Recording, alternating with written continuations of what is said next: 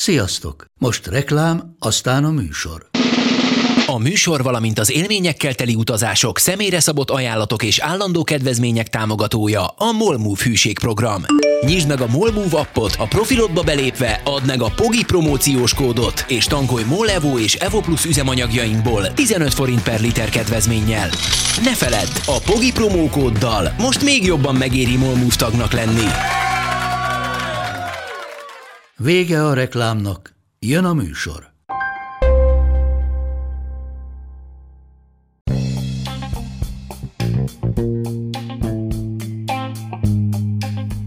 Ez itt a Pogi Podcast. Pogácsa Zoltán közgazdás, szociológus, politikai gazdaságtani podcastja a globális gazdaságról a klímaválság, az automatizáció, a digitális gazdaság, az egyenlőtlenségek és a posztdemokrácia korszakában.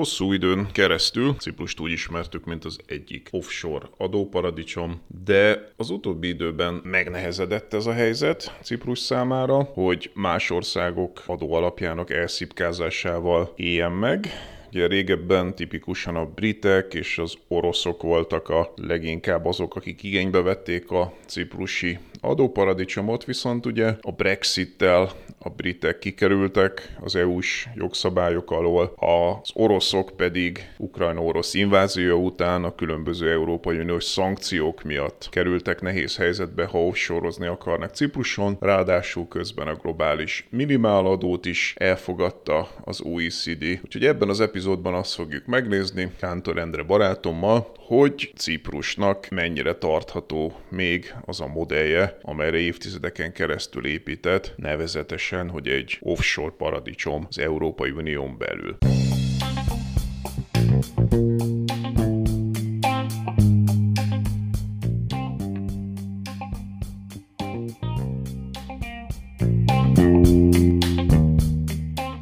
Ciprussal kezdtük el a múltkor, illetve hogy Cipruson keresztül a vízgazdálkodásról, fenntarthatóságról beszélgettünk, de ugye nem maradt idő arra, illetve hát, hogy túl nagy falat lett volna egy adáson belül a vízgazdálkodásról, a fenntarthatóságról beszélni, és hát arról, ami Ciprusnak az egyik legnagyobb erőssége volt az elmúlt időszakban. Aztán kiderült, hogy ez nem csak erősség tud lenni, hanem egy gyengeség is, mégpedig arról, hogy egy valódi kis földközi tengeri offshore paradicsomról beszélünk. Igen, ugye ironikus, amikor 30-ból esne 33-ból, és akkor hatékonyabbá teszi az államot. De ezek, ezek a szintek, tehát ilyen 30-33 százalékok, nem pedig azok az ugye uh, 1 százalék körüli szintek, amiket az offshore országok megütnek, mert hogy ugye ez arról szól, az a modell, hogy minél több országnak az adó alapját magamhoz szívjam, és akkor ott alacsony adóval, de nagyon-nagyon sok cégnek a nagyon alacsony adóztatásával e, tudok én megélni. Most ez 1, 2, 3, 4, 5 ország esetében működik. Ugye gondoljunk bele abba, hogyha mindenki ezt csinálná, a világ összes országa próbálna elszipkázni a másik országoknak a, az adó alapját, hát, hát ugye akkor, akkor gyakorlatilag az azt jelenteni, hogy megszűnne az adózás, tehát e, abban senki nem gondolja, hogy normális ország, normális méretű adó alapjának 1%-os adóztatásával lehet egy országot működtetni. Ennek ez lenne a matematikai eredménye, hogy akkor mindenki általános, sőt olyan országok is vannak, ahol nulla százalék az adó, ott ilyen díjakból élnek meg, tehát ugye nem is szednek adót, hanem mint egy regisztrációs díj van, amikor oda megy valaki, és akkor ebből él az állam. Most ezt ugye senki nem gondolja, hogy így működhetne. Tehát ez nem az egészséges adóalapnak a része, és ezt most már nem csak az akadémiai szakértők mondják, mert ugye ennek ma már van egy nagy akadémiai irodalma, Gabriel Zückmann, francia közgazdász, az első számú szakértő, vagy hát ugye a, a Saez Piketty páros is, akik szorosan együttműködnek, Zückmannal ők is elég sokat írnak erről, Szóval ezt nem csak ők mondják most már, hanem most már a, a nagy kormányok is, tehát ugye majd talán beszélni fogunk a globális minimáladóról, ami szintén hatással volt Ciprusra. E, tehát most már a, a, az OECD tagállamok vezetői is e, ezen az állásponton vannak, hogy ez olyas valami, ami ellen tenni kell. Szóval hogy ebbe, ez az a dolog, amiben Ciprus élen járt, és ez volt az erősség, ahogy te fogalmaztál, hogy szipkázta el más országoknak a, az adó alapját, és itt történt három dolog, ami miatt ez a modell ez bajba került. Az egyik az, hát tulajdonképpen négy dolog. Az egyik az, hogy ők is rosszul jártak az euróval, tehát szerintem arról is érdemes beszélni, hogy ők is az eurókárosult országok közé tartoznak. A második az a Brexit, mert ugye nagyon sok brit pénz volt Cipruson. A harmadik az a orosz inváziója Ukrajnának, mert ugye rengeteg orosz pénz volt Cipruson, és a negyedik pedig a globális minimáladó, amit ugye Biden elnök tol, tolt rendesen, és, és ez pedig ugye ezt a típusú offshore működést targetálta pont. Amikor azt mondtam, hogy az erőssége, akkor arra gondoltam, hogy függetlenül attól, hogy ez mennyire jó vagy nem jó, azért ebben a versenyben pontosan a, a globális minimumadó mutatta meg, hogy melyik országok vannak benne, vagy nyíltan, úgy, mint ahogy, ahogy Ciprus, hogy, vagy Málta, vagy mondjuk Írország, vagy pedig egy kicsit leplezettebben, mint ahogy egyébként Magyarország is a különböző társasági adó kedvezményekkel, amikkel próbál versenyezni. Az ő szempontjukból erősség volt, tehát nyilván Igen. voltak olyan emberek Cipruson, akik azt gondolták, hogy ez egy erősség, ahogy egyébként az, hogy Magyarország ugye bevezet egy 9%-os társasági adót, amivel hát így megkezdi megütni az offshore-kodásnak a, a szintjét, tehát arról is beszéljünk őszintén, hogy miközben egyébként ellenzékben a jelenlegi politikai kormányzat, politikai pártunk, ugye a Fidesz támadta az offshore-t, de ugye gyakorlatilag ezek a 9% körüli szintek, ezek ha nemzetközileg összehasonlítjuk, akkor hát ha nem is az, e, az explicit offshore kategóriája, de hát annak a felső, felső határa. Hát rengeteg érdekességet kell megbeszélni Ciprus kapcsán, úgyhogy akkor folytassuk innen ezután a bevezető után, jön egy kis zene, és akkor utána neki látunk annak, hogy boncolgassuk, hogy ez a négy különböző hatás az hogy hatott a ciprusi gazdaságra. Ciprusról beszélgettünk tehát, és egyébként érdekes, hogy Cipruson keresztül beszéltünk a, a vízgazdálkodásról, fenntarthatóságról a múltkori adásunkban. Ez is egy olyan dolog, amit Cipruson keresztül néztünk meg, de sok minden más országra is jellemző lehet, és az is, amiről most beszélünk, de mégis, ahogy említetted ezt a négy hatást, ami Ciprust érte, így sokkal nehezebb helyzetbe kerülhet, mint több más ország, akik lehet, hogy nem voltak ennyire kitéve ezeknek a hatásoknak. Én nagyon szívesen kezdeném az eurozónával, mert ott, ott nagyon érdekes dolgok vannak, és időben Kezdjük az eurozónával. Kárt okozott-e Ciprusnak az euró bevezetés? Igen, Igen tehát hogy azért, azért kérem, hogy az eurozónával kezdjük. Egyrészt, mert időben az az első, tehát ugye ez egy 2014-es sztori ott Ciprusban,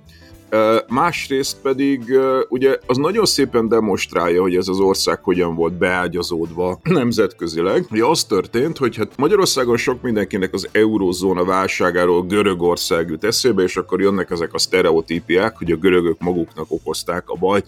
Az euró a szuper dolog, és be kell menni minél hamarabb az eurózónába, mert csak a görögök okoztak maguknak bajt. Most én nem akarom, hogy az utolsó, aki azt mondja, hogy a görögök nem okoztak maguknak bajt. A Görögország az mind a mai napig egy, egy oligarchák által szétszincált állam, ami egyébként sokat mond arról, hogy ezt a Görögországot 15 éve lassan e, az EU adminisztrálja, és hogy nem sikerült az oligarcháktól megszabadulni, azt szerintem sokat mond. De hogy most nem Görögországról beszélünk, hanem ugye Ciprus is belép az eurózónába, és ezt nagyon fontos végig gondolni, az eurozónába si- siető magyaroknak, hogy hát itt nem csak Görögország került bajba, mert ha csak Görögország, akkor arra azt mondjuk, hogy oké, okay, ott valami specifikus görög dolog volt, de Írország, Spanyolország, Olaszország, Ciprus, Szlovénia, Finnország és a balti államok, ezek mind-mind-mind valamilyen formában érintve voltak az eurozóna által, még az mellett is érvelhetnék, hogy Franciaország, de az már talán kicsit túlfeszítés lenne. Szóval, hogyha ezek az országok gyakorlatilag a teljes európeriféria bajba kerül, akkor ott valami rendszerszerű probléma is van, és arról rengetegszer írtam már, beszéltem, hogy itt bizony nagyon komoly rendszer problémák vannak az euróval. Szóval, hogy ez szerintem nagyon gyanúsnak kéne lennie, hogyha egy teljes európeriféria bajba kerül eh, az eurozóna időszakában, és így járt egyébként Ciprus is. És azért volt baromi érdekes Ciprus, mert ott volt először az, hogy nem úgynevezett bail-outokat csináltak, hanem bail-int csináltak, Ugye a bailout és a bail-in között az a különbség, hogy a bailout, amikor, az a baj, ezeket nem tudom magyarul mondani, mert nincs igazán jó magyar szó rá, a bailout, amikor kimenti az állam a bankokat. Tehát tulajdonképpen ez történt Görögországban is, hogy azokat a pénzeket, amiket Görögországnak küldtek, ugye a magyarok nagy része azt hiszi, hogy az Görögország a görög emberekre eh, költötték, vagy a nem tudom, Görögország kimentésére, szó sincs erről, gyakorlatilag egyrészt a görög bankokat mentették ki belőle, másrészt azokat a nyugat-európai nagybankokat, akik görög állampapírokat vásároltak. ING, Deutsche Bank, eh, BNP Paribas ilyeneket. Ezeket a bankokra költötték. Ez állam mentette ki a bankokat. Ugye ez az, amire először az eurozóna válság elején azt mondja Angela Merkel és Nikola Sarkozy, hogy ez, amit nem csinálunk, mert hogy benne van az eurozónának a szabályrendszerében, hogy nincs bailout, majd utána ugye rájönnek, hogy olyan szinten vásároltak be a bajba jutott európeriféria eh, állampapírjaiba a nyugati nagybankok, hogyha nem mentik ki a bankokat, akkor összeomlik a nyugati bankrendszer. És akkor elkezdik állami pénzekből, meg eh, ugye az, a, gyakorlatilag az eurozóna adófizetőjének a pénzéből kimenteni a nyugati bankokat. A nap végén, ha nagyon leegyszerűsítek, akkor a szlovák adófizető pénzéből mentik ki a Deutsche Bankot. Ez, tört, ez az eurozóna valódi története, csak ezt nem értik a magyarok, hogy ez történt. Most először történt meg Cipruson, hogy nem bailout volt, hanem bail-in, ami pedig azt jelentette, hogy itt már nem volt érdekeltsége a, a nyugati bankokat menteni, és akkor azt mondták, hogy akkor viszont a, a bank részvényesei, és hogyha nagyon nagy baj van, akkor akár a bank betétesei fogják megfizetni a bajba került bankoknak a kimentését. Ugye alapvetően Cipruson két nagy bank volt, és erről is érdemes beszélni, tehát hogy ezt az offshore-ral működő ciprusi bankrendszert, egyrészt a, a Bank of Cyprus és az Eurobank, ez a két nagy bank volt e, Cipruson, és itt az történt, hogy bezárták a bankokat, maguk a ciprusi emberek nem jutottak hozzá a pénzükhöz, de, és akkor ez mindent elmond, hogy hogyan van beágyazva a ciprusi nemzetközi bankrendszerbe, a ciprusi bankoknak a londoni fiókja és a moszkvai fiókja nyitva maradt. Tehát, hogy azt megengedte az Európai Unió, és ugye akkor még London egyébként benne volt az Európai Unióba, ha nem is az eurózónába, Moszkva nyilván nem, hogy a bezárt bankoknál, tehát hogy a ciprusi részvényesei ezeknek a bankoknak azok szépen fizettek, sőt az is felmerült, hogy maguk a betéteseknek is megdésmálják a pénzeiket, viszont azok az oligarchák, akik ugye berakták oda a pénzüket, és akkor azt is érdemes elmondani,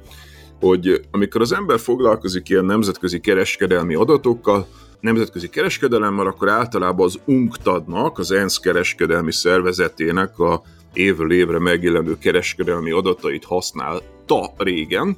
csak egy ponton ugye mindenkinek feltűnt, hogy ki Oroszországban a legnagyobb nemzetközi befektető? Ciprus.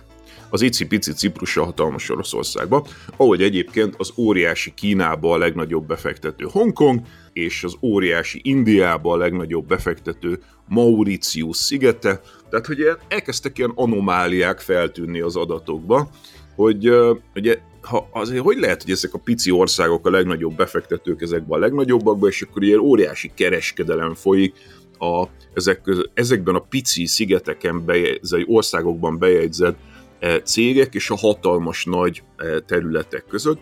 És hát ugye az a magyarázat, hogy, hogy amikor Putyin elnök elkezdte megdésmálni az oligarcháknak a vagyonát, az oroszok szerint ugye rendet rakott Jelcin káosza után, mind a kettő mellett lehet érvelni, akkor ugye egy csomó orosz oligarha a rendszerváltáskor megszerzett és azóta hízlalgatott vagyonkáját, az kimentette Ciprusra, de hogy ezeknek a pénzeknek egy jelentős része, az valójában nem ciprusi emberek cégei voltak, akik valami tevékenységet folytattak vagy kereskedtek Oroszországgal, hanem ezek orosz pénzek voltak, amelyek biztonságba helyezendő az Európai Unió jogrendszerét kihasználva megérkeztek Ciprusra, és onnantól, mint ciprusi cég maskarázódtak, és tulajdonképpen ebben a maskarában kereskedtek Oroszországgal, vagy voltak jelen Oroszországban. Ezek orosz cégek voltak, de onnantól fogva akár persze a világ bármelyik részével kereskedhettek, mert Európai Uniós cégé váltak, de mögöttük orosz, orosz oligarchák voltak, és ezért van az, hogy amikor bementették tulajdonképpen a, a kimenteni, bementeni szóval lehetne rendesen visszaadni magyarul, tehát amikor Bél inelték, bementették ezeket a bankokat, akkor hagyták, hogy az orosz oligarchák Moszkvában és Londonban kivehessék a pénzüket. Szerintem az elég sokat elmond arról, hogy hogyan volt Oroszország felé beágyazódva Ciprus a nemzetközi pénzügyi rendszer. Közben át is tértél az egyik témáról a másikra, tehát ugye az eurozónának a bevezetése, az euró bevezetése és az euró negatív hatása után azt is néztük, hogy mi volt ez a bail-in, de akkor majd a következőben a globális minimumadóról beszéljünk, hogy az hogy érintette ezt az egészet, ezt az egész folyamatot. Annyit meg elmondhatok, hogy, hogy még, még, egy, még egy nagyon rövid dolgot hozzáadhatok itt? Vagy a, vagy a következő? Hogy ugye 2014-ben történt az, amiről beszéltem, és 2014-ben ugye említettem, hogy a, a, a, az egyik legnagyobb bankjuk az a Bank of Cyprus volt. Leváltották 2014-ben a vezetését ennek a banknak, és a bank élére megjelenték nem más, mint József Ackermann, akinek Magyarországon nem annyira ismert a neve, de aki mondjuk olvasta a Globális Elit című könyvemet, annak tudnia kell, hogy ki az a József Ackermann. Én ugyanis elég sokat írtam a Deutsche Bankról, meg külön Pogi Podcast adás is van a Deutsche Bankról. Szóval József Ackermann az a Deutsche Banknak volt a legendás és hírhet vezére, tehát ugye a Deutsche Bank, ami bűnt és hibát el lehetett követni, azt mind elkövette az évtizedek során, és hosszú időn keresztül ez a József Ackermann volt a vezetője, aki egyébként a német politikai elittel is marhára jóba volt. Kit hozott magával József Ackermann? Egy Vladimir Strajovski nevű embert, aki egy volt KGB ügynök és a Norilsk Nickel céghez kötődött, illetve egy Viktor e, e, Wexelberghez kötődő céget, és ezek gyakorlatilag Putyin közeli cégek. Tehát, hogy a, a, a Deutsche Banknak is, és a magának Ackermannnak is elég szoros kötődése volt Putyin köréhez, Úgyhogy a, a Deutsche Bankot rég korábban vezető Ackermann Putyini, Putyinhoz kötődő oligarchákat hozott a Bank of Cyprusnek az élére 2014-ben. Tehát, hogy nem csak arról van szó, hogy ide hozták a pénzüket a, az orosz oligarchák, hanem konkrétan a Deutsche Bank ex-vezetőjének a, ez kicsit olyan, mint a Schröder, eh, hogy bizonyos német gazdasági és politikai vezetők, ezek nagyon közel kerülnek a putyini körhöz, és gyakorlatilag átvették a legnagyobb ciprusi bankot. Szerintem ez is elég sokat elmond a ciprusi bankrendszerről. Jó, akkor innen folytatjuk, mert ez egy érdekes gondolat, és van kérdésem ezzel kapcsolatban. Ciprusról és magáról az offshore-ról beszélgetünk ebben az adásban. Témánk tehát Ciprus, a ciprusi gazdaság és ezen kívül, vagy ezen túl maga az offshore intézménye de azt nem értem ebben a sztoriban, hogy ha az orosz oligarchák, akik menekítik a vagyonukat Putyin dézsmálása elől Ciprusra mennek, és közben megjelenik um, lényegében Putyin, és um, ő Ackermannnal együtt, vagy hát Ackermannon keresztül ő, is megjelenik ezen a szigeten, akkor ez, akkor ez nem nagyon működött az orosz oligarcháknak, vagy ez volt valamiféle ilyen zsivány egyesség, hogy, vagy betyárbecsület, hogy hát ami Ciprusra megy, az Cipruson marad, és akkor azt nem dézsmáljuk, vagy mi történt? Ugye az a csavar a sztoriba, hogy nagyon sok orosz vélekedés szerint maga Putyin is használta ezt a rendszert. Tehát attól, mert ugye Putyin elől menekülsz, az elő, hogy az orosz állam bármikor átvehesse a cégeidet, ugye erre rengeteg példa van, mondjuk a leghíresebb Hodorkovsky esete, akit ugye a hallgatók biztos emlékeznek rá, hogy egy ilyen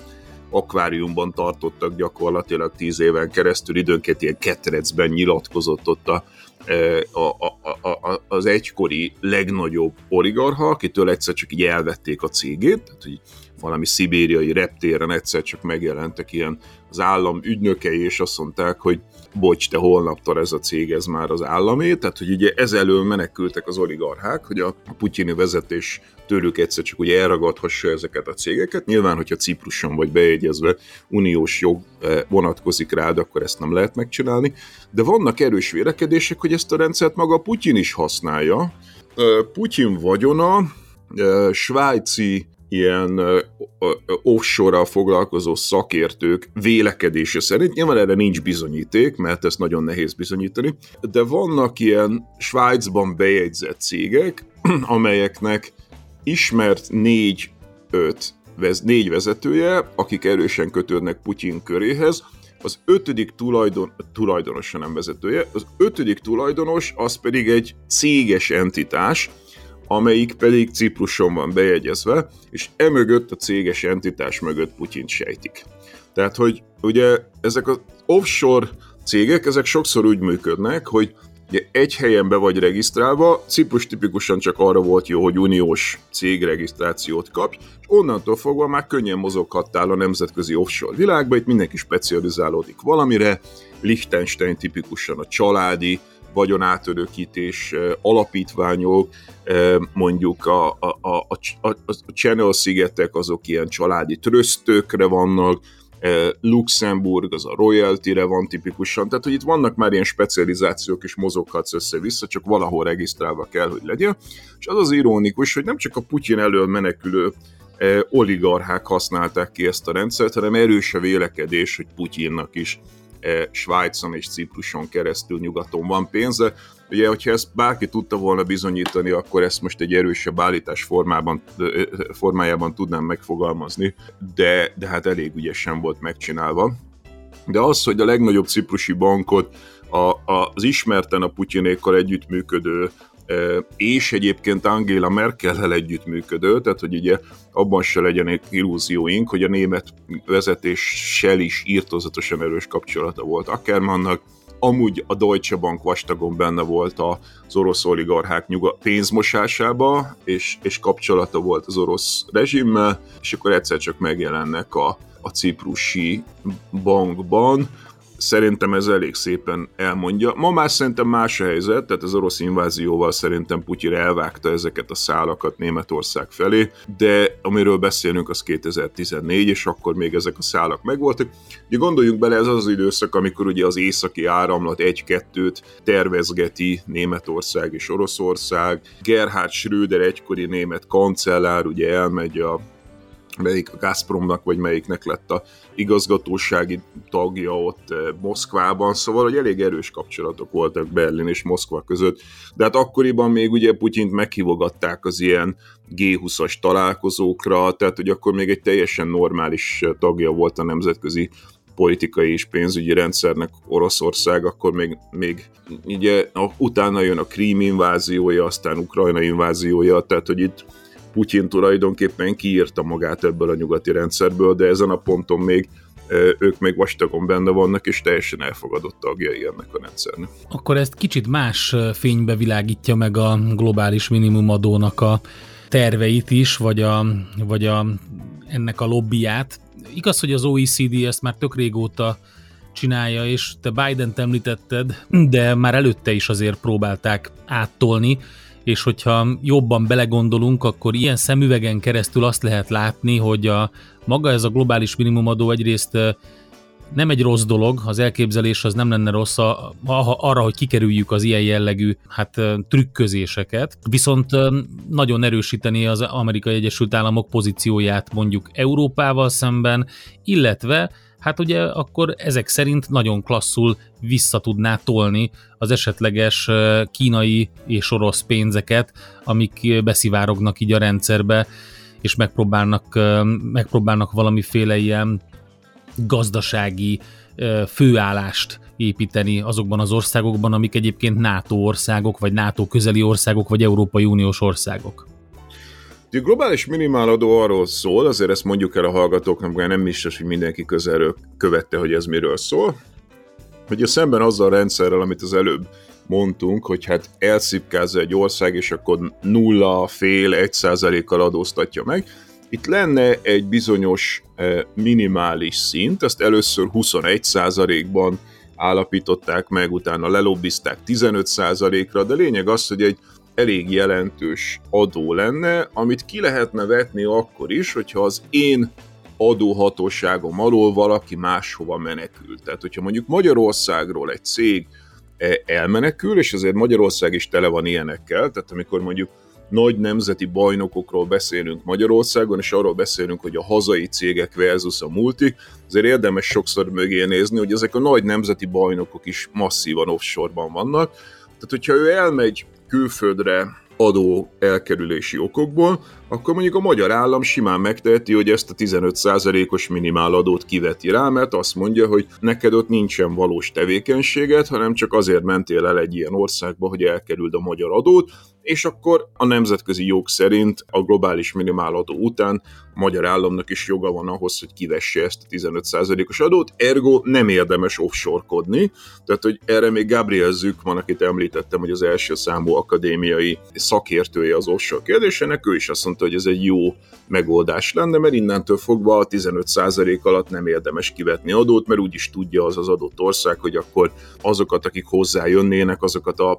és fogalmazunk így az onyaország, az, az megadóztatná ezen a 15%-os szinten. Ez eléggé betesz egyébként az offshore világának először, tehát nagyon sokszor kihirdették már, hogy az offshore halála, meg hogy de ezek sose következtek be, mindig túlélt az offshore.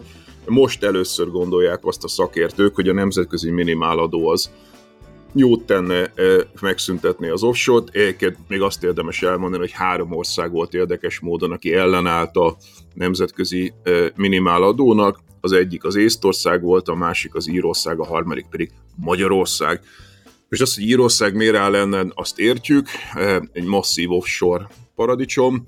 Észtország ugye azért, mert ott azon keresztül is lehetett offshore-kodni, rendkívül alacsony adó, de Észtországban van egy szabály, hogy ameddig újra befekteted a tőkédet, addig nulla százalékon adózik, csak akkor adózik, hogyha kiviszed onnan a tőkédet, na most ugye a mai modern világban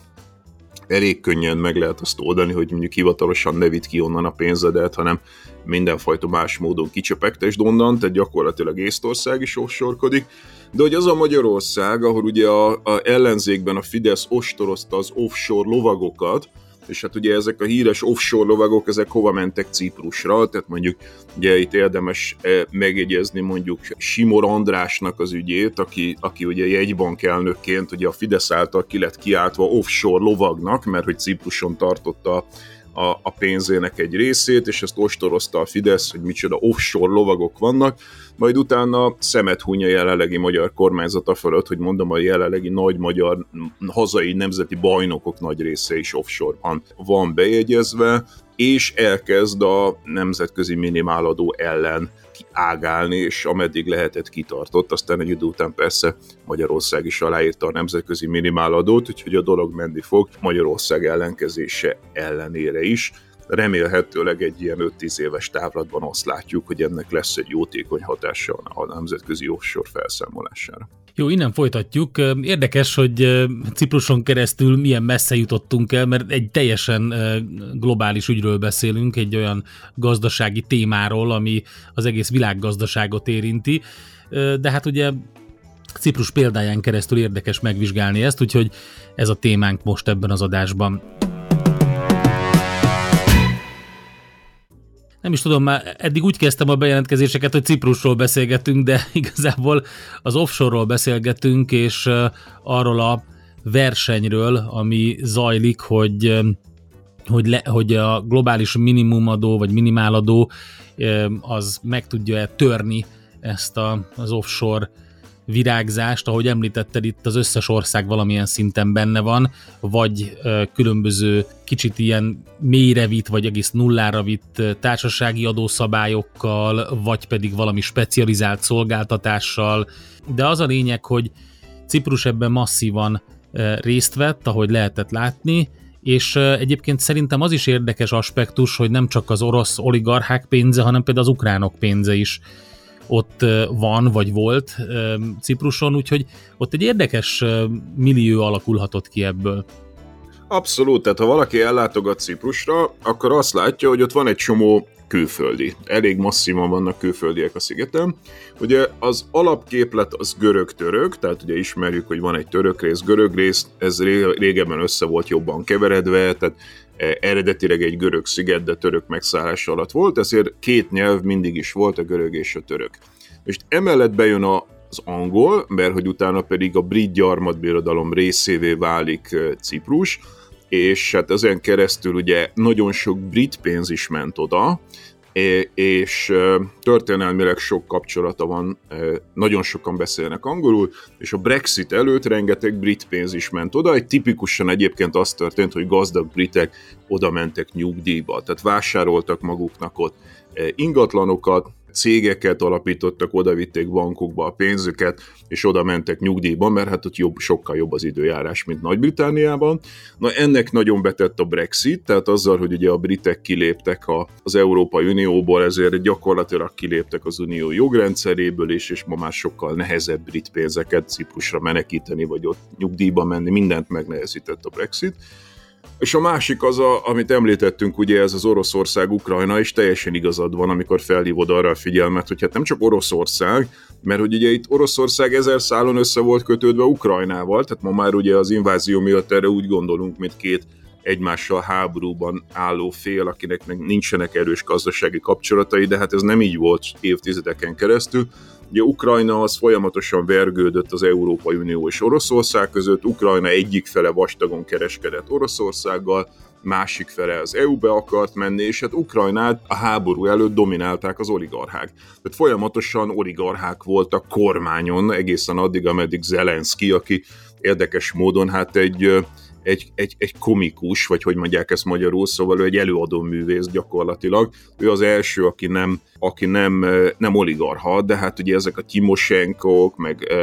Firtás, Ahmedov, tehát ezek ilyen hosszan lehetne sorolni ezeket az ukrán oligarchákat, akik Poroshenko, persze, tehát hogy a Rossencsoki cég az abból jön, hogy a Poroshenko a tulajdonos, egyszer voltam Kievbe, és kiderült, hogy az ő szállodájában lakom, és minden reggel a párnámra raktak Rosen csokoládét, és akkor így rájöttem, hogy hát egy oligarha szállodájában egy oligarha csokoládéját teszem reggelenként, aki egyébként az ország elnöke volt az időtáj, tehát hogy így döbbenet, hogy, hogy teljesen, a, a, és akkor ezért is volt meglepetés, hogy Ukrajna ilyen szépen ellenáll az orosz inváziónak, mert mindenki azt várta, hogy egy ilyen ország, ami gyakorlatilag ilyen ementális sajtán rágtak, a, hogy az ukrán oligarchák, ezek szét fog esni, és két hét alatt meg lehet őket hódítani, hiszen a nulla állami kapacitás, ez egy, ez egy masszívan fogjulejtett ország volt, és ezeknek az ukrán, vagy az, az ukrán oligarcháknak ugyanúgy persze offshore-ban volt a pénz, és egy része Cipruson, mint az oroszoknak, ehhez képest megdöbbentő, hogy milyen szépen összeszedte őket Zelenszky, aki mondom egy előadó művész, tehát hogy az, az, ez önmagában egy érdekes sztori, hogy amikor viszont ugye invázió van, akkor az ukrán társadalom egy háborúban hogy össze tud tartani, miközben egyébként korábban abban nem nagyon tudott egy összetartani, hogy a, az oligarcháktól megszabadítsa magát, de igen, nekik is ott volt a pénzük, és akkor ugye ez is egy érdekes sztori, hogy az orosz invázió után meg az orosz pénzeknek sokkal nehezebb Ciprusra mennie, mert mindenfajta szankciók vannak bevezetve, tehát egy csomó céget érint Oroszországból, hogy az, az EU-s szankciók miatt már nem tudja odavinni a pénzét Ciprusra, úgyhogy most érdekes fejlemények vannak, mert sem a britek, sem az oroszok annyira könnyen már nem tudják odavinni a pénzüket. Érdekes lesz figyelni az elkövetkezendő években, hogy a ciprusi gazdaság mennyire rodjan meg annak az eredményeképpen, ugye úgy fogalmaztál az elején, hogy erőssége volt az offshore, hogyha mondjuk ezek a brit és orosz pénzek, ezek kevésbé vannak jelen a, a, a szigeten, akkor ez milyen hatással van mondjuk a, a ciprusi pénzügyi rendszer.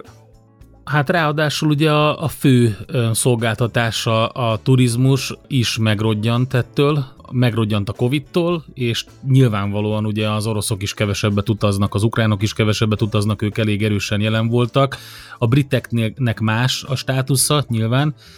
úgyhogy ez is az általad említett hatások közül, de akkor mi marad Cipruson, mert hogy van egy bazi erős kereskedelmi flottája, tehát ez, ez van. Az az érdekes, hogy, hogy jönnek az oroszok és a, az ukránok, sőt ott vannak, Ugye említettem, hogy a török és a görög a két alapnyelv, említettem, hogy az angol, ugye az angol gyarmatbirodalom miatt nagyon erős, de ehhez masszívan felzárkozott az orosz és az ukrán, tehát hogyha mászkálsz Cipruson, akkor mindenhol látsz orosz és ukrán feliratokat. Boltok vannak, amelyeknek orosz-ukrán nevei vannak, az ilyen hétköznapi táblák, hogy mit tudom, egy medence mellett ki van írva, hogy ne ugrálj a medencébe oroszul, ukránul, közlekedési táblák oroszul, ukránul. Miért? Mert ugye egy csomó orosz vásárolt magának, meg ukrán is gondolom, vásárolt magának ingatlant Cipruson korábban, még az invázió előtt. És ugye hát ezek az emberek nem szeretnének az orosz hadseregbe bemenni, nem szeretnének egy háborús országban élni, sem Ukrajnában, sem Oroszországban, úgyhogy amíg a szegény emberek szépen harcolgatnak Oroszország és Ukrán, Ukrajna közötti háborúban, addig a gazdag emberek mindkét országból világszerte ilyen üdülő helyeken élnek. Tehát ezt lehet tudni, hogyha az ember elmegy Tájföldre, Ciprusra, Marbellára, ilyen helyekre, akkor ott rengeteg orosz és ukrán gazdaggal találkozik, akik hát ugye valamikor tavaly év februárjában úgy döntöttek, hogy hát akkor én esetleg nem megyek vissza a téli eh, nyaralásomról eh, Ukrajnába, Oroszországra, hanem ott maradok, mert hogy ennek úgyis két-három hét alatt vége lesz, de hát, hogyha több hónap, akkor van annyi pénzem, hogy itt ücsörgök, aztán most már lassan másfél éve ott fognak ülni ezeken a nyaralóhelyeken, de hát nekik rengeteg pénzük van, ugye mondom, vásároltak ingatlanokat, tehát Cipruson például rengeteg ugye saját kis villa, ott elteniszezget, a gyerekek ott cseperednek, feleség ott van, el vannak ők, annyi pénzük van, hogy akár évtizedekig is ott eléldegélhetnek, nem kell visszamenni nekik a háborús országaikba, de hát ezek egy idő után ugye ott, hogy mondjam, beintegrálódnak a társadalomba, és akkor még egy dolog van, afrikai menekültek, tehát hogy ami még nagyon látványos, főleg Nigériából, meg egyébként Pakisztánból, tehát hogy nagyon sokszor a kiszolgáló személyzet a szállodákban az pakisztáni, és a legdurvább munkákat az ilyen kemény fizikai útépítés ilyenek, ezeket meg nigériaiak csinálják, akik egyébként szintén nagyon jól beszélnek angolul, és akkor ugye gyakorlatilag ez a, ez a mix, hogy görög, török, angol, ukrána, ukrán-orosz, nigériai, pakisztáni, ugye a pakisztániak is otthon angol a nyelv, Nigériában is angol a nyelv, könnyen tudnak integrálódni, Szóval, hogy ezek a nyelvek ott vannak, és egyébként tök jól megvannak egymással, de békésen ücsörögnek egymás mellett a éttermekben, meg a tengerpartokba, tengerpartokon a, a nigériaiak, a pakisztániak, az ukránok, az oroszok, az angolok, a, a skótok, a, a, a törökök és a görögök. Ez, ez, ez ma Ciprus, egy ilyen iszonyú heterogén társaság, és ahogy mondod, gyakorlatilag még két dolog van, tehát hogyha nem offshore-kodik Ciprus, akkor marad neki a turizmus, ami egyébként masszívan visszajött, tehát azért az a, a Covid tényleg betett nekik, de azóta pont ezért, mert gyakorlatilag oda ugye ezek az oligarchák visszajöttek, nagyon-nagyon sokan élnek ott külföldiek, és a másik, amit szintén említettél, hogy hát a, a nemzetközi tengerhajózásban vesz részt, van saját flottája is, meg mint kikötő. Eh, egyébként ilyen Limassol, meg eh, régebben Famagusta, Paphos, ott vannak nagy kikötők, és ez még egy olyan iparág. Ezen kívül olyan nagyon sok minden nem, tehát ugye ezeknek a mediterrán országoknak egy elég nagy hátulütője, hogy gyönyörű szépek, és hát nem akar oda az ember nehézipart telepíteni, tehát ebből sose lesz egy rúrvidék, mert ugye itt nagy kár lenne a, a, a, a zöld területekért, a, a környezet védett, tényleg védett területekért, a turizmus szempontjából hasznosítható területeket. Nem akarod ilyen olajfinomítókkal, meg hogy mondjam, acélgyárakkal betelepíteni, tehát hogy sose lesz nehézipar ezekben a mediterrán országokban, Olaszország déli része, Horvátország, Görögország, Dél-Spanyolország, Ciprus, ezek, ezek nem lesznek nehézipari nagyhatalmak, vagy a szolgáltatások, ami hát ugye offshore lesz, vagy pedig, á, vagy pedig turizmus, nagyjából erre szakosodtak. Hát még egy dolog van, ez a mediterrán agroexport, tehát még amit látsz, az az ilyen olívaolaj, feta vonal, ami még megjelenik esetleg e, ilyen, ilyen földközi tengeri élelmiszeripari termékeket exportálnak, még talán ez az, ami e, egy része az ő gazdaságuknak. Ciprusról beszélgettünk, és Cipruson keresztül persze rengeteg mindenről, érdemes egyébként meghallgatni mind a kettő adást egyben, Az első adásban Cipruson keresztül a vízgazdálkodásról, fenntarthatóságról volt szó, most pedig a az offshore-ról és adózásról, és hát erről a globális harcról, hogy ki hogy próbálja magához csábítani a tőkét valamilyen módon, és hát nyilván ezen Ciprus példáján keresztül néztük meg ezeket, hogyha valaki lemaradt, akkor a Pogi Podcastot keresse a Spotify-on vagy a Facebook oldalon, ott is meg lehet ezeket hallgatni. Köszönjük a figyelmet, köszönöm a beszélgetést, Zoli. Köszönöm, Bandi, köszönöm a hallgatóknak, sziasztok!